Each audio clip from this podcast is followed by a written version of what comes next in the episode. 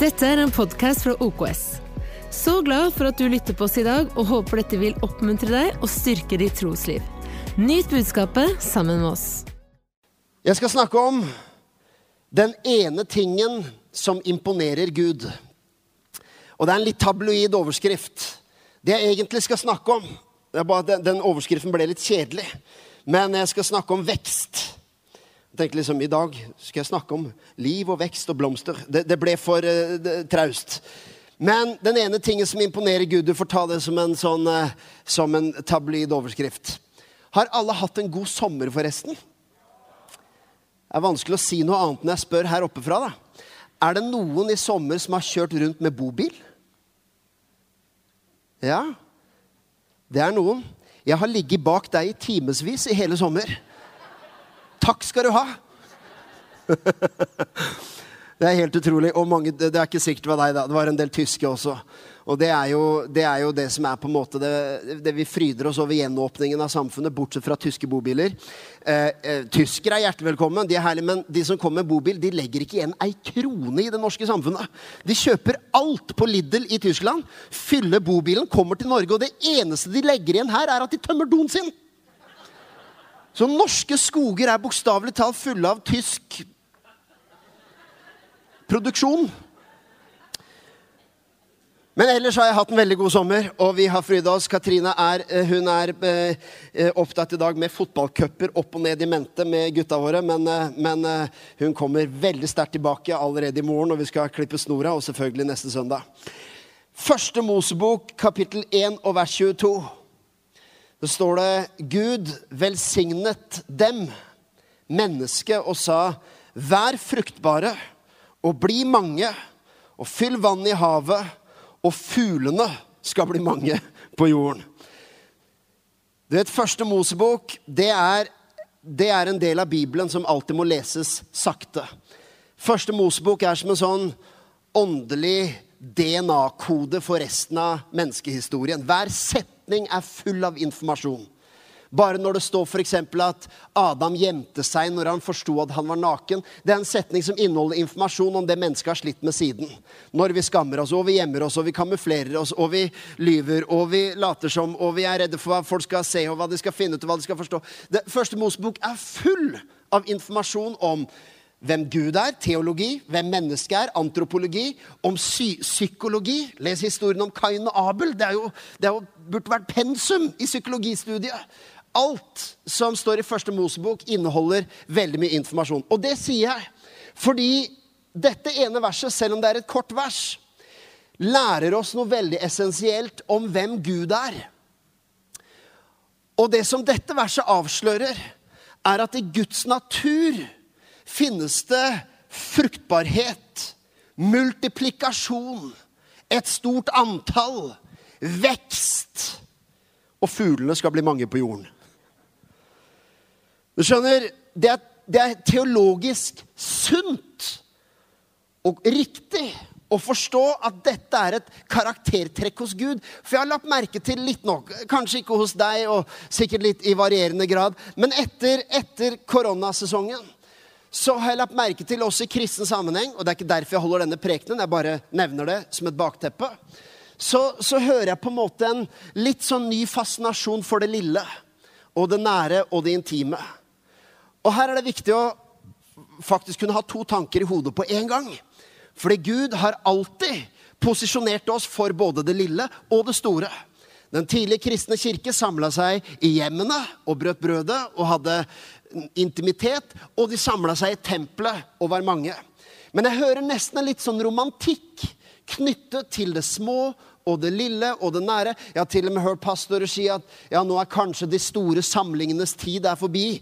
Fra nå av møtes vi liksom på kafeer og med munnbind og i, i, hus og hjem. Vel, som sagt, jeg tror det går an å ha to tanker i hodet på en gang. Og den siste temaserien vi hadde, den siste temaserien før lockdown i mars 2020, det var en temaserie som het Nærmere. Så det er ikke noen motsetning. Men vi kan ikke La en sesong eller visse omstendigheter, da tenker jeg ikke bare på korona, men dine omstendigheter akkurat nå, få endre vår teologi om det Gud har sagt om hvem han er, hva han liker, hva hans natur er, fra evighet av. Det er ikke sånn at Gud han, han, er fra evighet av, og han skapte oss, og så er det visse karaktertrekk. Vi kan bli kjent med Gud. Men så kom 2020, og Gud så på korona og sa Å, den så jeg ikke komme. Jeg beklager. Nei, han er den samme i går og i dag og til evig tid. Og én ting som er sikkert, enten du liker det eller ikke, det er at fruktbarhet er midt i sentrum av Guds hjerte alt. Så du kan se avtrykket av det i naturen, du kan se det i skapverket, du kan se det i Guds ord. Og hvis du har en slags teologisk romantikk, også fra Bibelen, om at nei, de første kristne de møttes ikke liksom på den måten, liksom med en stor scene og sånne ting. Der var alt nært, og alt var hjemmene. Det var begge deler. Og Vi må slutte å snakke om det både òg, men du kan bare studere disse versene hjemme på egen hånd. Jeg har ikke tid å lese alle de nå, fra apostlenes gjerninger. Har du ikke en liste der? Apostlenes gjerninger 241, 247, 5, 14, 6, 1, 6, 7, 11, 21, 11, 24 og 16, 5. Alle disse versene, som, der har du dem lina opp. Du kan lese dem på egen hånd. Men hvert eneste vers handler om den tidlige kristne kirke og snakker om hvordan de vokste stadig i antall. Da kom 3000 mennesker til tro. Stadig nye mennesker ble lagt i menigheten.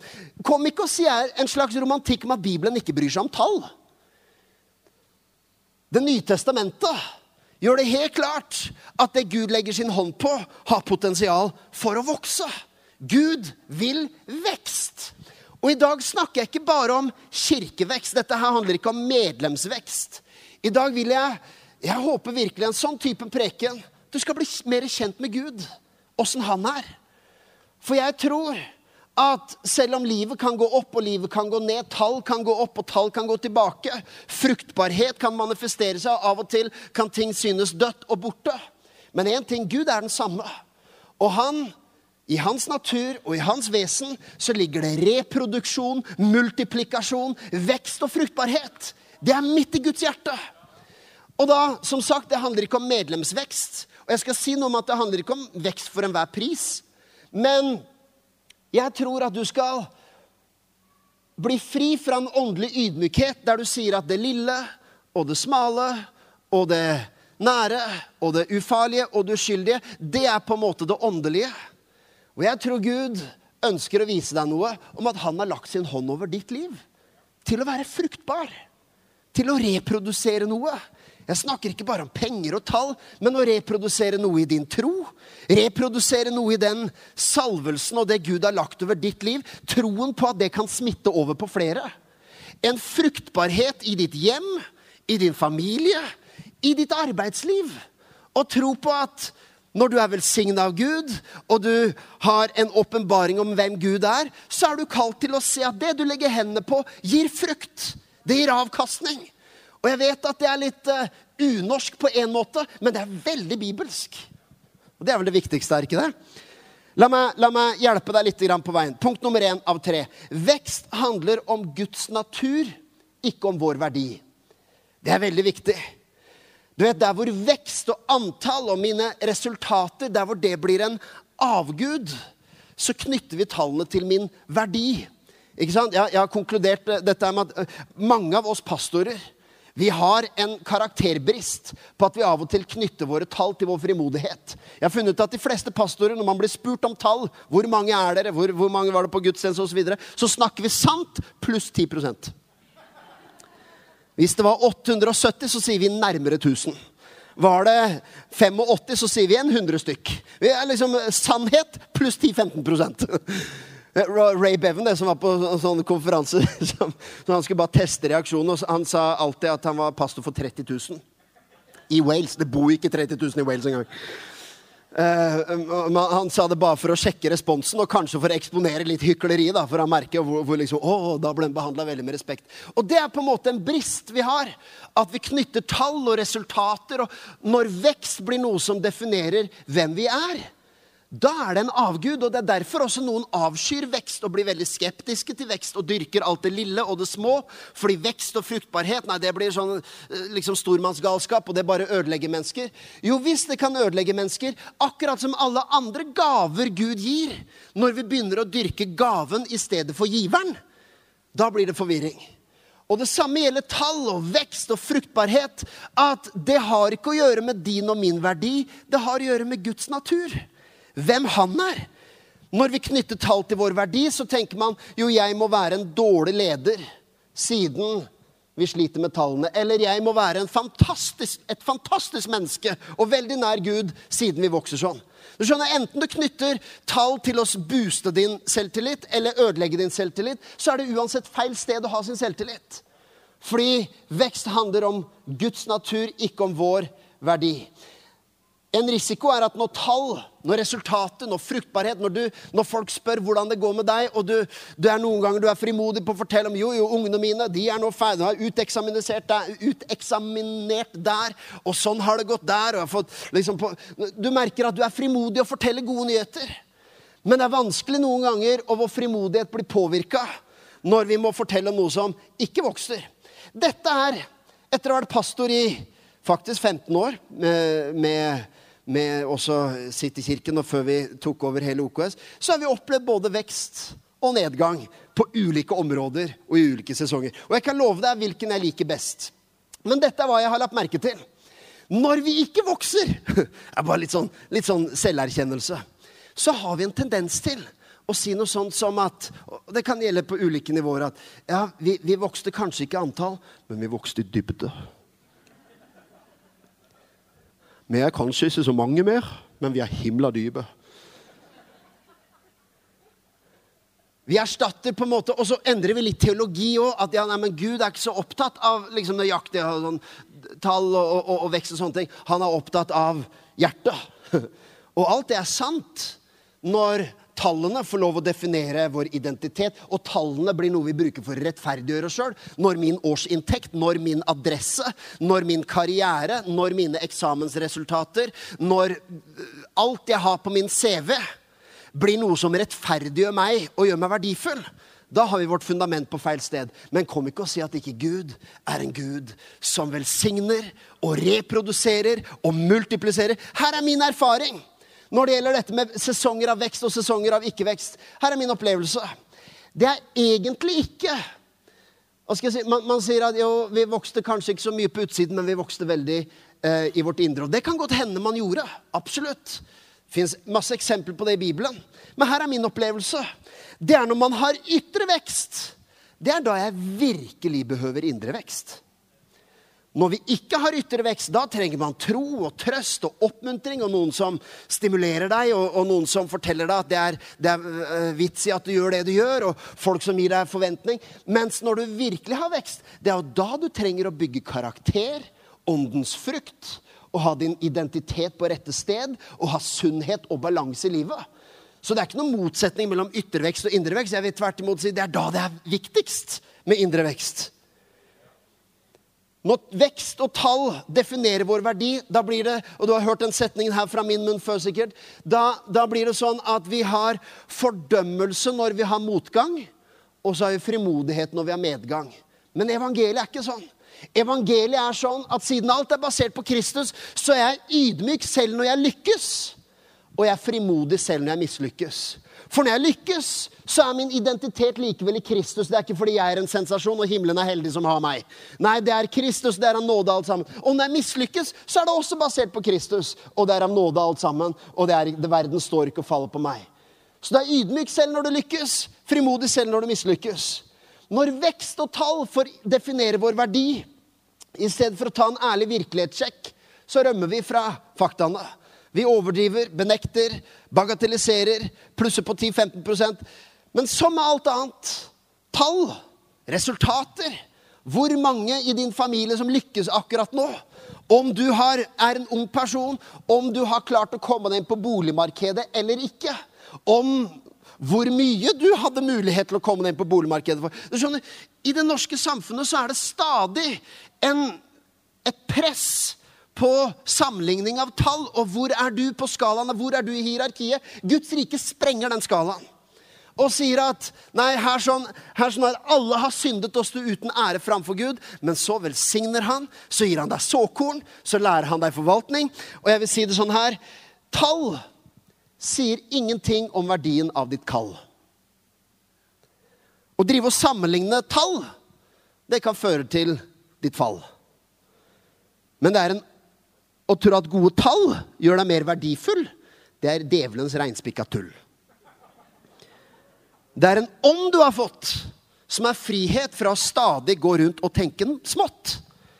For din far i himmelen, han er rikere enn du tror, og hans sjenerøsitet, den er innmari stor. Fakta, statistikk og dønn ærlige tall er ikke farlig, for det er uansett ikke det som definerer min teologi. Nei, min Gud og min far, hans tilnavn er faktisk mer enn nok. Og når det gjelder det å preke på rim, så tror jeg at jeg nå sier stopp. Det var på slutten av sommerferien. Jeg satt og, satt og skrev det her og merket vet du hva, nå trenger jeg å komme tilbake til kontoret. tenkte jeg. Det her, Nå er det for mye hyttetur. Det er for mye Gaustad-topper og greier. Dette har jeg ikke godt av. Hæ? Katrine som inspirerte meg til det diktet her? Stemmer det. Hun Nei. Hennes diktegenskaper det er, eh, det er greit at vi er, vi, er, vi er, frimodige selv om vi mislykkes, men hennes dikt kan frarøve frimodigheten fra enhver. Punkt nummer to frimodighetsteologi. Spenn sikkerhetsbeltet, for nå har vi, nå har vi egentlig liksom posisjonert grunnen her. Du skjønner, I norsk kristenhet, og sånn her er det så er vi vant med både lovsangstekster, i forkynnelse og til og med i samfunnet, det norske samfunnet, så er vi vant med å tenke at måten man ærer en gud, er ved å bøye seg ned i ærbødighet. Du vil finne på en måte det mønsteret også blant mennesker som ikke tror på Jesus. At liksom i den grad man uttrykker noe ærefrykt, så er det man bøyer seg ned i ærbødighet. Og det er selvsagt for oss troende så er det én måte som vi ærer Gud. Vi vil løfte våre hender og tilbe deg. Vi ser opp til ham. Vi får posisjonen vår riktig. Han er kongen. Vi er tjenerne. Han er pappaen, og vi er barna. Vi liksom får forholdet riktig. Men du må også forstå Dette her er dypere teologi enn du tror. Du må også forstå at i den nye pakten den som vi nå tilhører, den som Jesus innstiftet da han kom og ga sitt eget blod og døde og sto opp igjen for oss, så innstiftet han et nytt system, en ny avtaleordning, en ny pakt som du og jeg står på når vi kommer framfor Gud. I den pakten så er en av måtene som du ærer, hedrer, anerkjenner og tilber, det er ikke kun ved å bøye deg ned i ærbødighet, selv om det er én side av det, men det er å komme fram med frimodighet. Du hedrer pakten ved å være frimodig. Du skjønner, Hvis du leser de fire evangeliene, så vil du legge merke til at det er veldig veldig sjelden at Jesus lar seg imponere av noen. De prøvde, altså Han elska alle og betjente alle, men det er sjelden at Jesus blir veldig imponert. Jesus sier, wow, oh, du er vanvittig moralsk. Nei, han, han, ble ikke imponert av noen. De prøvde hele tida. En rik ung mann kom og prøvde å, å vise hvor moralsk han hadde vært. Og jeg har holdt loven nesten hele livet. Jesus lot seg ikke imponere. Han sa ok, du vil til Guds rike på de premissene. Gå selv alt du eier. Nikodemus prøvde å imponere Jesus med sin teologiske innsikt og kunnskap. Liksom antyda man, ja, du er jo en lærd, og jeg er en lærd, og kanskje vi kan prate sammen. Jesus ble ikke imponert av teologiutdanningen hans. Han sa til Nikodemus sorry, du må bare starte helt på nytt. Du trenger å bli født på nytt, sa han. Og Nikodemus jo, men jeg er en rabbi, du er en rabbi, la oss, la oss snakke. Uh -uh. Hvis du skal til Guds rike, så er det ikke sånn at du er på 90% og du trenger meg til de siste ti. Du er på null, og du trenger 100% nåde. Du må bli født på nytt. Jesus ble veldig sjelden imponert. Jeg kan telle to ganger.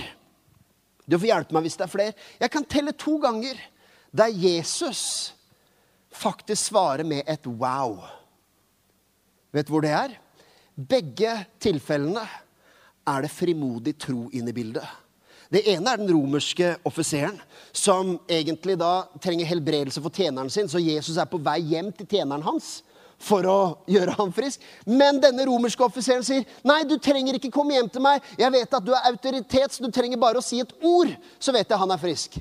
Og det er den ene av to ganger Jesus sier, 'Wow'. En sånn frimodighet, en sånn tro, har jeg ikke engang sett i Israel, sier han. Gå hjem, tjeneren din er, frisk. Der ble Jesus imponert. Du forstår hva jeg mener med imponert. Det er ikke sånn at vi kan imponere Gud. alt er av nåde. Men hvis det fins noe som Du må bli kjent med han. Hvordan er han? Hva er det som beveger hjertet hans? Og jeg kan si det ikke bare som en tabloid liksom, utsagn. Dette er sånn jeg har blitt kjent med min Gud, pappa. Det er at er det noe som beveger hjertet hans, så er det at du kommer med frimodighet. Ikke i frekkhet, ikke i arroganse, ikke uten å forstå nåden, ikke på en plattform av selvrettferdighet og at du har noe å bevise. Men når det kommer på bakgrunn av tillit til at alt er mulig for han, så sier Gud wow, det der, det liker jeg. For det hjertet uttrykker virkelig noe om hva jeg kan, og hvem jeg er, og tillit til meg. Den andre gangen er den syrisk-fønikiske kvinnen som, som, da egentlig, eh, no, som egentlig ble avvist av Jesus og sier at nei, du, du, er jo egentlig ikke en del av løftesbarna og sånn. Og så, videre, og så sier han jo, jo, men, men bikkjene får jo ete smulene fra sine herres bord, så kan jeg ikke få noen smuler. Og Jesus sier wow, det der liker jeg. Frimodighet, frimodig tro. Det er de eneste gangene du kan si Jesus blir imponert. Du skjønner, Salme 2,8, så sier Gud, begjær av meg og jeg vil gi deg hedningene til arv. Og jordens ender til eie. Det er noe i Guds farshjerte som sier, be av meg, spør meg. Vi, vi har en sånn norsk tanke om at det er uåndelig. Det er menneskelig. Nei, nei, Hvis det er av Gud, så er det av Gud. Hvis det ikke er av Gud, så er det ikke av Gud. Eller Guds vilje skje. Vi har egentlig litt sånn inshallah-teologi. Hvis Herren vil, så får vi se hva som skjer. Men vet du hva Gud sier? Han, hvis du sier at jo, men sånn er det jo, Thomas. Det er jo ikke vår vilje, det er ikke vårt initiativ, det er ikke våre tanker og våre ting. Nei, men la oss si det sånn, da. At alt er av Guds vilje, men Guds vilje er at du skal begjære av ham. Er du med? Hans vilje. Han sier, 'Min vilje er at du skal begjære av mitt hjerte'. Vi, du har hørt kanskje historien før. Jesus spør en blind mann. ikke sant? 'Hva vil du jeg skal gjøre for deg?' En blind mann. Jeg vil ha månedsabonnement på et bobilmagasin. Nei, han vil bli seende. Naturligvis. Likevel så vil Jesus framprovosere en tydelig bekjennelse, en bønn, og si hva, hva vil du jeg skal gjøre for deg? Og jeg vet at vi er i en menighet som er vant med å be frimodige bønner osv. Men nå står vi her i august 2021. Noen har hatt kanskje en behagelig sommer, og du, du har kanskje ikke rukket og tenkt så mye på liksom, hva, hva er min bønn for høsten. Men jeg spør, har du artikulert til Gud hva det er? Har du begjært av hans hjerte? Jo, men, jo, men vet, Gud veit hva jeg trenger, og Gud veit hva jeg vil, og jeg har nevnt det. Men vet du hva? Det fins en hedring like mye som du kan sette av 20 minutter i tilbedelse. Sett av 20 minutter og begjære av Guds hjerte. Og si, 'Dette, Gud, vil jeg se for min by, for min nasjon, for min kirke, for mitt hjem, for min framtid, for mitt liv, for mine venner, for mine slektninger, for mine arvinger, for mine etterkommere.' 'Dette vil jeg se for verden omkring meg.' Begjær av meg, sier Gud. Han elsker det når du begjærer av hans hjerte. Jeg sier ikke at Gud blir imponert, men det er tilsynelatende det eneste som får Gud til å liksom eh, det, få, få det, den teologien her til å stemme opp i huet. Gud, er på, Gud, allmektige, allvitende Gud, er på vei hjem til denne offiserens tjener. Og han sier nei, du trenger ikke det, du kan gjøre det sånn isteden. Og Gud sier OK, vi endrer planer. Pff. Gud er allmektig, men det er noe som beveges så i Guds hjerte av frimodig bønn frimodighetsteologi er det vi snakker om. Så er spørsmålet, da Blir teologien riktig? Og Unnskyld at jeg bruker ordet teologi hele tida, men det betyr bare å forstå hvem Gud er. Åssen er Gud? Egentlig, Jeg hører stadig vekk, også i samfunnsdebatten, folk kaster ut teologi hele tiden. Folk kommer med påstander om hvordan Gud er. Nå er det valgkamp. Jeg har aldri hørt så mange påstander om å gjøre Jesus til inntekt for sitt parti. Imponerende. Plutselig Det er litt artig, da. Plutselig ble det litt sånn herre Nå konkurrerer partiene om hvem som er mest kristent. Jeg syns det er patetisk, men jeg skal ikke si mer om det. Eh, eller burde jeg det? Jeg skal, jeg skal, si noe før valget i høst. Jeg skal si noe mer. Eh, det, det jeg mener med patetisk, det er at plutselig at mennesker som knapt har brydd seg om tro eller åndelighet på noen år, plutselig nå står i front og skal liksom kjempe om de kristne velgerne. Og her er mitt poeng. Jeg har et politisk standpunkt denne høsten som jeg tror er litt viktigere enn før. Av hva som står på spill. Men å prøve å gjøre Jesus til inntekt for min gruppe, gi opp. Fordi alle som prøvde å få Jesus til å si at jo men, jo, men, Jesus hadde stemt på Jesus er litt i vår gjeng. Alle som prøvde det evangeliene, ble eksponert for sin dobbeltmoral. Nikodemus prøvde seg på det. Jesus, vi er jo, vi er liksom, vi, vi står i hvert fall sammen. ikke sant? Vi har samme greie. Og Jesus sa, glem det. Du må bli født på nytt. Dø fra det du tror eh, skal rettferdiggjøre deg, og ta imot min nåde. Og nå sier jeg ikke at det ikke fins kristne verdier og standpunkter. Jeg bare sier det å prøve at Vi må skille litt evangeliet. Hva evangeliet er, fordi den, den, den sprenger på en måte alles påstander. Det er sånn, Hadde vi sittet i en politisk debatt med Jesus, så er det ikke sånn at noen hadde gått hjem og tatt, å, takk og pris, Jesus var i hvert fall på vår side. Ja, Jesus, han, han, han gjorde at alle, Det var en grunn til at han ble drept, skjønner du. Alle gikk hjem frustrert og sa at denne debatten hadde funka hadde det ikke vært for Jesus. Før visste vi i hvert fall hvor vi hadde hverandre, og dere er der, og vi er her. og Vi mener at vi er det gode partiet, og de mener de er det gode partiet. Så kommer Jesus og sier at nei, dere er ødelagt, alle sammen er korrupte. Vi må starte på nytt. Han ble korsfesta! Og det var en grunn til. ok, nå kjenner jeg jeg skal ut av det sporet. Så returnerer vi til valget om et par uker. Men her er hva jeg skal si. Blir teologien riktig hvis det er jeg som skal ta initiativet overfor Gud? Blir ikke det litt kollisjon med hva vi har lært om nåden? Er det ikke sånn at alt er av Gud, og han er begynnelsen og han er enden? Så hvis jeg kommer det liksom Blir ikke det å endre litt på rollene? At jeg plutselig får makt, mens det er Gud som har all makt? Vel, jeg tror de gangene jeg har tenkt den tanken, så tror jeg Den hellige ånd har eksponert min sjølopptatthet. Og smiler og sier, 'Tror du virkelig det var din idé?'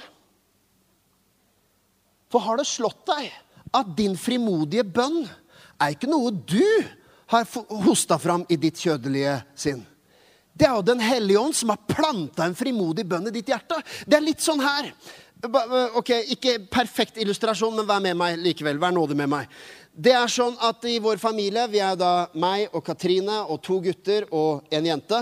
Og det er sånn her, Litt klisjéfylt kanskje, men gutta liker fotball. Vi liker å gå på fotballkamp. Jentene er litt lunkne. På mange måter. Nei da, eh, når det gjelder fotball. Så, så la oss si at jeg syns det er gøy, jeg synes det er hyggelig når alle blir med på match. Og jeg vil liksom at de, ja, få et eierskap til hele greia. Også, og nå, nå, Det eksempelet jeg skal si nå, passer bedre for noen år tilbake. Men la oss si det er sånn her, da. At, uh, at jeg vil ha med alle på kamp. Men jeg vet Katrine er ikke så veldig gira. Sofie er ikke så veldig gira. Men så hvisker jeg til Sofie og sier Sofie, kom hit. I dag, gutte, kan, eh, en liten hemmelighet. Kan ikke du gå og spørre mamma om alle kan være med på fotballkamp i dag? For hvis du spør, da kommer Egentlig syns ikke fotball er så spennende, men da er liksom, nå har vi vår lille greie her. Vi har en hemmelighet. Pappa, jeg har en greie. Mamma, kan, vi, kan jeg og alle sammen være med på fotballkamp i dag? Og mamma ah, ja, ja, men det ja, Gjøre sammen som familie. Ja, men det er koselig. Jo, men siden når du spør, Sofie, da Og så, og så tenker jeg yes! Herlig! Hva skjedde? Sofie er i utgangspunktet ikke fotballinteressert. Men jeg planter en idé i hennes hjerte og sier 'gå og spør mamma'. Ok, Illustrasjonen er ikke fullkommen, men du må forstå at vårt hjerte i utgangspunktet uten Kristus, uten evangeliet, er ikke veldig åndelig. altså. Vi har ikke i oss å komme på paktsgrunnlag og be Vår Herre om noe stort, som kongsbarn, og be kongen om å forsørge og velsigne og transformere. Nei, du må forstå, det er som Den hellige ånd hvisker til ditt hjerte. Gå, gå og spør pappa. Gå og spør far om å starte en ny skole. Gå og spør pappa Om, gå og spør pappa. Du skjønner, Den hellige ånd vil plante store bønner i ditt hjerte. Så du må ikke avvise den. Nei, men det må ikke være meg. Nei, det er ikke deg. Bare ta imot det Den hellige ånd har gitt, og gå til pappa og spør. For det er sånn det fungerer i den åndelige verden. Så kan du si ja, kan ikke Den hellige ånd og Gud far bare snakke sammen uten meg? Men det er derfor Gud har insti... Inst, um, hva heter det? instruerte oss, eller han har, han har satt samfunnet, og det, da blir det et større mysterium å gå løs på. Men han sier, 'Jeg vil at du skal fortelle hva jeg skal gjøre for deg.' Den hellige ånd virker i ditt hjerte til å begjære av far. Wow. Ok, En, en motforestilling til. Vi nærmer oss slutten her. Hva med, hva med Guds vilje, da? Hva hvis det jeg faktisk ber om, ikke er etter Guds vilje? Og det er et relevant spørsmål. Og som kanskje en som er motforestilling mot sånn type forkynnelse, vil si Thomas, det der i verste fall så så kan du stimulere til veldig selvopptatthet og egoistiske bønner. Og la meg fortsette å si noe om Den hellige ånd. For det er klart, det står i Jakobs brev 4.3 dere ber og får ikke, for dere ber galt for at dere skal sløse det bort i deres lyster osv.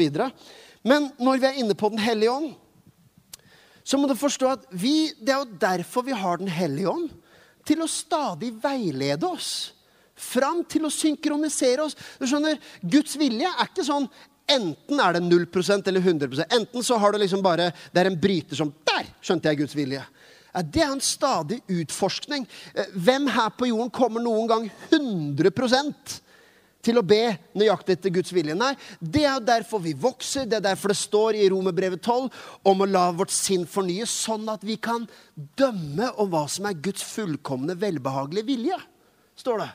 Hvordan blir vi kjent med Guds vilje? Jo, ved at sinnet fornyes. Det er en vekst. Her er én ting som er sikkert. 100% av de bønnene du ikke ber, er ikke bønn etter Guds vilje. Tok du den? Hvis du er redd for at min frimodige bønn, spesielt hvis det gjelder ting i mitt liv Skal jeg be om å bli mer velsigna? Skal jeg bli ikke det egoistisk? Vel, hvis de bønnene du ikke ber, er i hvert fall ikke åndelige bønner, for de eksisterer ikke. Hockey, jeg skal forklare det for deg. Hockeyspilleren Wayne Gretzky han sa det her I miss 100% of the shots I don't take. Han sier jeg bommer på 100% av skuddene jeg ikke tar og en, en av tidenes mest, mest skårende ishockeyspillere. Poenget mitt er ikke at bønn er et bingolotteri. Du må liksom bare prøve ofte nok, så går det. Det er ikke det jeg sier. Men jeg sier at det er jo, det er jo i hvert fall mer etter Guds vilje at du ber en bønn med feil motiv. Og så kommer Den hellige ånd og kan hjelpe deg og korrigere deg og veilede deg til å synkronisere deg med Guds hjerte, enn at du lar være å be av frykt for at det ikke skal være etter Guds vilje. Jeg tror far inviterer deg. Det er jo sånn med barna også. 'Pappa, kan jeg få spille PlayStation i fem timer i morgen?' Nei. Men vi kan snakke om mye annet. Eh, den illustrasjonen funka ikke i prekenen her i dag. Det, det ser at den ikke passer inn. Men du må forstå at selvsagt har jeg bedt mange bønner som har hatt noen feil motiver, som ikke har vært helt synkronisert etter Guds ord. Men vet du hva? Jeg har nå i hvert fall begynt å vandre med Gud. og begynt, Jeg har i hvert fall bedt, jeg har begynt å gå et sted. Og da er det jo mulig å manøvrere for Den hellige ånd og sier ok, grei start, men la meg hjelpe deg å eksponere et par ting. La meg hjelpe deg til å synkronisere etter det som er Guds plan for deg. Men det er bra. Samtalen er i hvert fall i gang. Og derfor inviterer jeg deg høsten 2021 til å tro på frimodighetsteologi. Vær åpen for Den hellige ånd vil justere og guide deg, men ikke ha norsk, smålig, overfladisk åndelighet som sier at 'nei, jeg er fornøyd med det jeg har', jeg ber ikke om noen ting, for det er andre som trenger det mer. Du skjønner, Andre trenger det mer. Dette har vi vært inne på mange ganger. Men du må forstå at sola er uberørt av hvor mange mennesker som ligger på stranda. Det er ikke sånn at sola bruker opp seg sjøl hvis det er for mange på stranda. Så nå på starten av høsten her så er det, det er veldig lite solenergi, fordi folk lå så mye på stranda i sommer, og sola bare skint og skint og skint, og nå er det nesten ikke noe igjen. Like lite som, som sola bruker opp energi på at du soler deg, like lite bruker Gud opp ressurser på å velsigne deg. Gud blir ikke fattigere av å gi til deg. Han er mer enn nok. Han er alt. Han er begynnelsen og enden. Og så fins det i denne verden skyer av korrupsjon, som sperrer for sola, skyer av urettferdighet, skyer av synd, skyer av dårlig lederskap. Og der er vi som kirke og alle mennesker kalt til å gjøre verden til et bedre sted og mer rettferdig. Og være med å avsløre ting som ødelegger for menneskeheten, og være med å sørge for at fattigdom blir utrydda. Mange, mange ting, mange skyer på himmelen som vi er kalt til å gjøre noe med. Men sola er den samme. Han blir ikke fattigere av å velsigne. Så Det betyr at han blir ikke, det er ikke sånn at andre får mindre hvis han velsigner deg. Det, sånn, det høres så åndelig ut å si nei, men jeg trenger ikke å be noe for meg når andre har det verre. Slutt å bruke Gud som unnskyldning for ikke å be om ting til fordel for andre folk du uansett egentlig ikke bryr deg like mye om som du later som. Jo, men jeg, Gud, Gud, jeg, Gud vil ikke velsigne meg fordi nå skjer sånt der. Vet du hva? Hvis du virkelig lever og ånder og, og, og, blør for de menneskene du henviser til, så er det ok.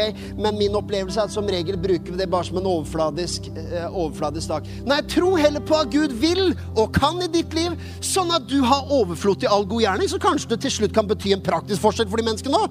Ikke bare mentalt og overfladisk. Gud kan, og Gud vil. Og jeg inviterer deg til frimodighetsteologi.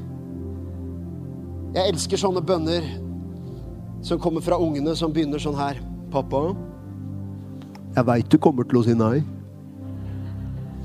Det er, det er alltid gøy å høre, for da veit du nå, nå, kommer det et eller annet. Liksom, hva, hva, ok, hva, da blir jeg nysgjerrig. Hva, tenker du på nå?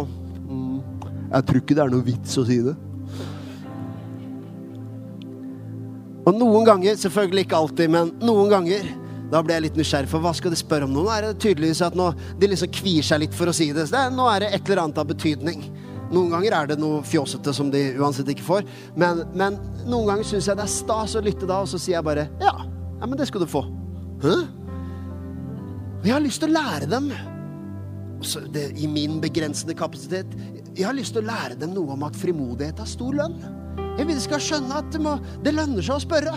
Dere har ikke, for dere ber ikke, står det, ikke Jakob, står det i Jakobs 4,2. Det betyr at hvis du våger å be, så kan du ha. Så kan du få. Ikke for å tilfredsstille mine lyster og tilfredsstille Nei, velsignelse. Var noen som oppsummerte det veldig bra.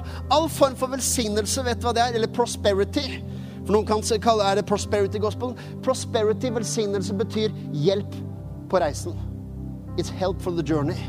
Det er ikke noe som distraherer deg fra å oppfylle ditt kall, men det er hjelp på reisen i ditt kall.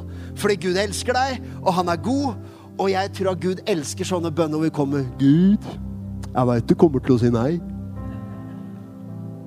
Hva er det for noe nå, da? Jeg tror ikke det er noe vits. Kan vi se en helbredelsesbølge i høst? Kan vi Det er ikke sånn jeg pleier å be, men jeg vil du skal forstå at Gud elsker det hjertet som kommer. Nå er ikke det så frimodig, akkurat det tonefallet, men du skjønner greia. Tørre å komme fram for troen med frimodighet. Skjønner, jeg skal bare si helt til slutt akkurat dette her. Den bibelske modellen for vekst er avkastning, reproduksjon og multiplikasjon. Jeg har nevnt disse eksemplene allerede. Avkastning, det er ett såkorn som gir avkastning. Det er at man gjør én ting, og så bærer den frukt. Man sår noe, kanskje med ressurser, med smerte, med bønn, med tårer, med tid. Og så vokser det noe fram fra det. Det har vi fått lov å se mye av. Man planter et Mercy House, f.eks., og så gir det avkastning. Man planter en drøm, og så bærer det frukt. Og alt det er fantastisk. Men så finnes det også, i Guds modell for vekst, så finnes det noe som heter reproduksjon. I første Mosebok 1,26 så står det at Gud sa la oss lage mennesker i vårt bilde så det ligner oss. Og dette sliter også vi nordmenn med, fordi vi er vant med Jo, men Thomas, Gud skaper alt unikt.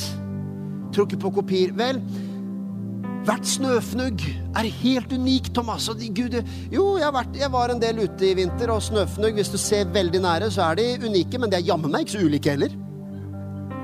Snø. Det er vidda, liksom. Det er snø, det er hvitt. De ligner innmari på hverandre. ja, hver er unik. Ja, ikke på avstand. Er prikk like. Hva er poenget mitt? Selvsagt gjør Gud alt unikt, men du må også forstå. Det, dette handler ikke bare om liksom kirkestrategi, dette er for hele menigheten og for alle mennesker. Du må også forstå at i Guds hjerte så er, det, så er det noe han har sagt som gjør at han legger noe over deg som er posisjonert for å reprodusere seg. Det er ikke uåndelig at noe ligner. Når vi planter, Det hender man av og til sier det om, om, kirker som plantes mange steder og som ligner på hverandre. Så hører jeg noen si at det der er bare sånn, det er verdensmetode, sånn McDonald's-avdelinger. Det, der er, det der er billige kopier av hverandre.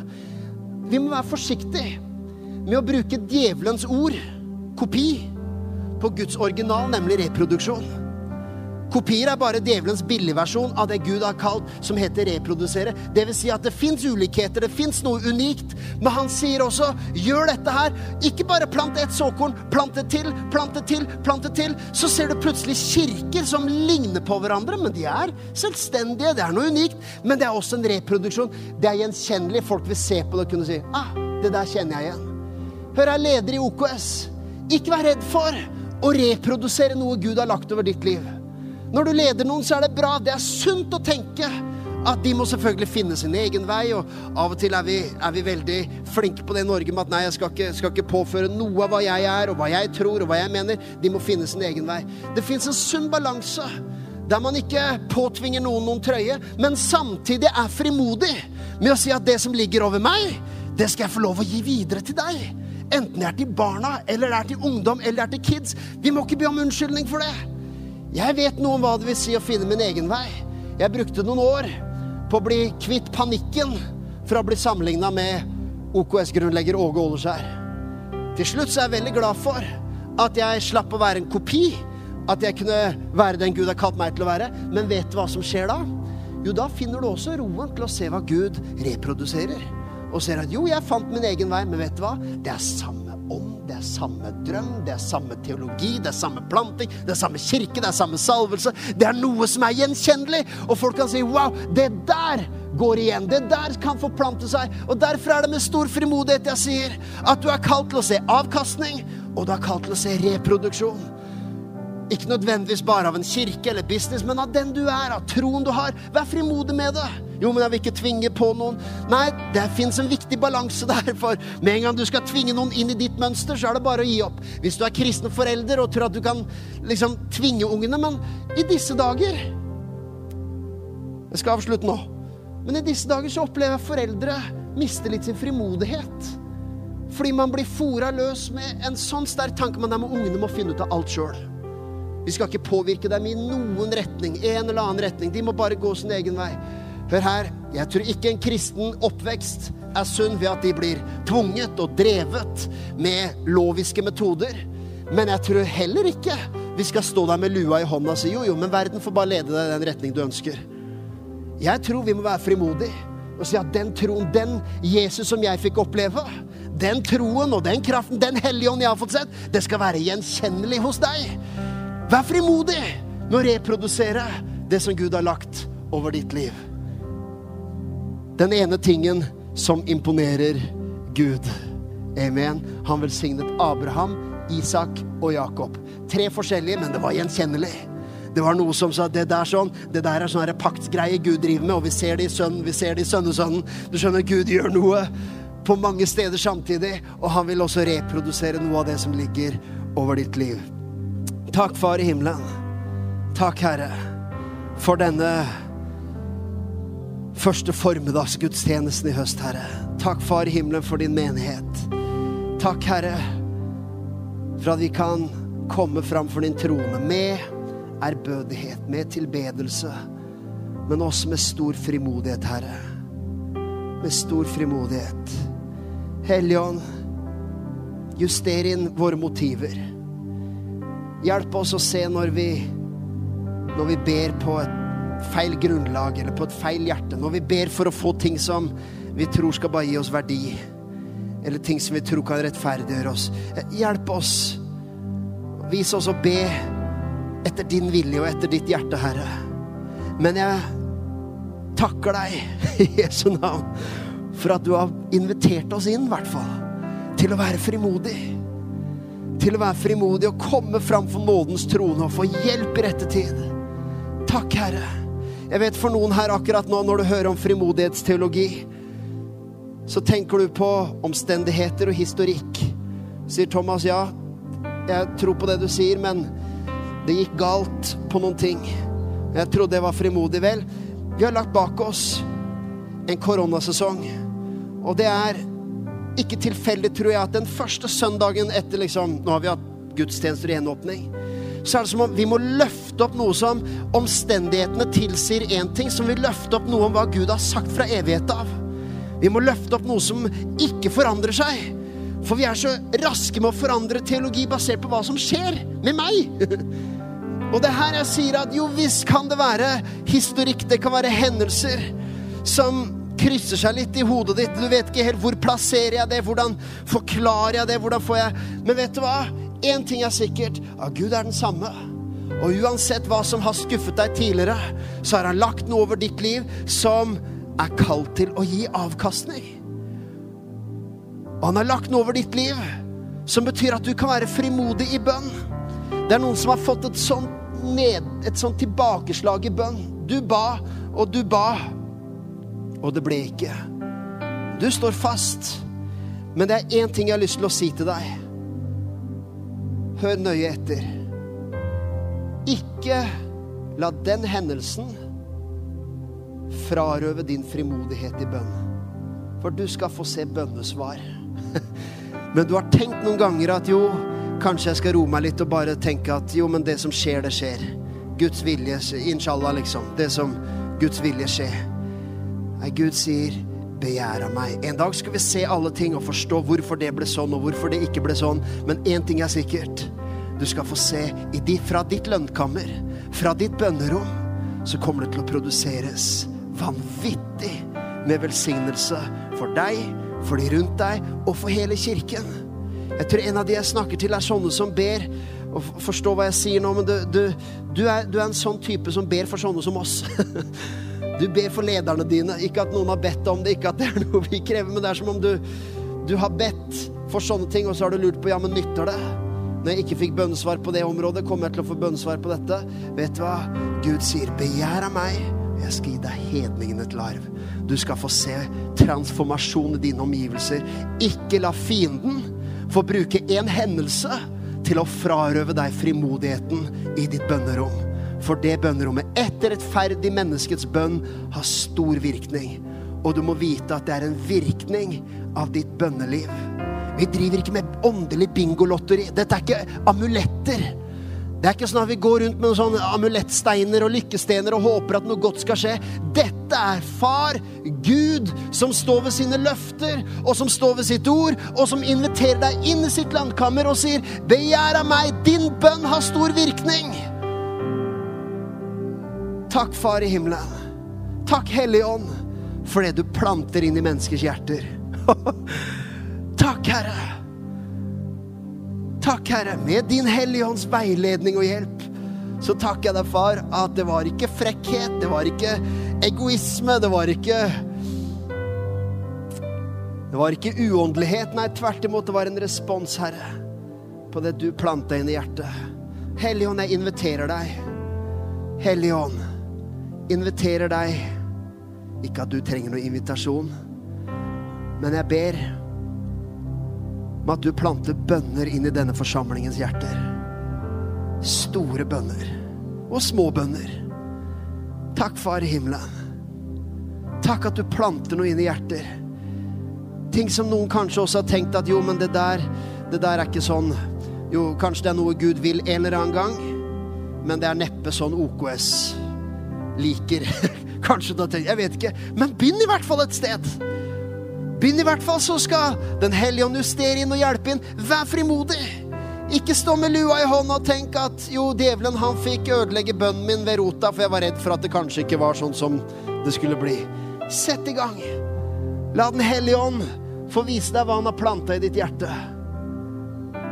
Så finner vi ut av veien. Takk, Far i himmelen. Takk for at du tok deg tid til å lytte på en av våre podcaster fra OKS.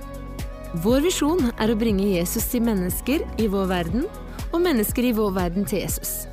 Følg oss ellers på vår YouTube-kanal og sosiale medier. Du er velkommen til å besøke en av våre kirker. For mer informasjon, sjekk ut oks.no.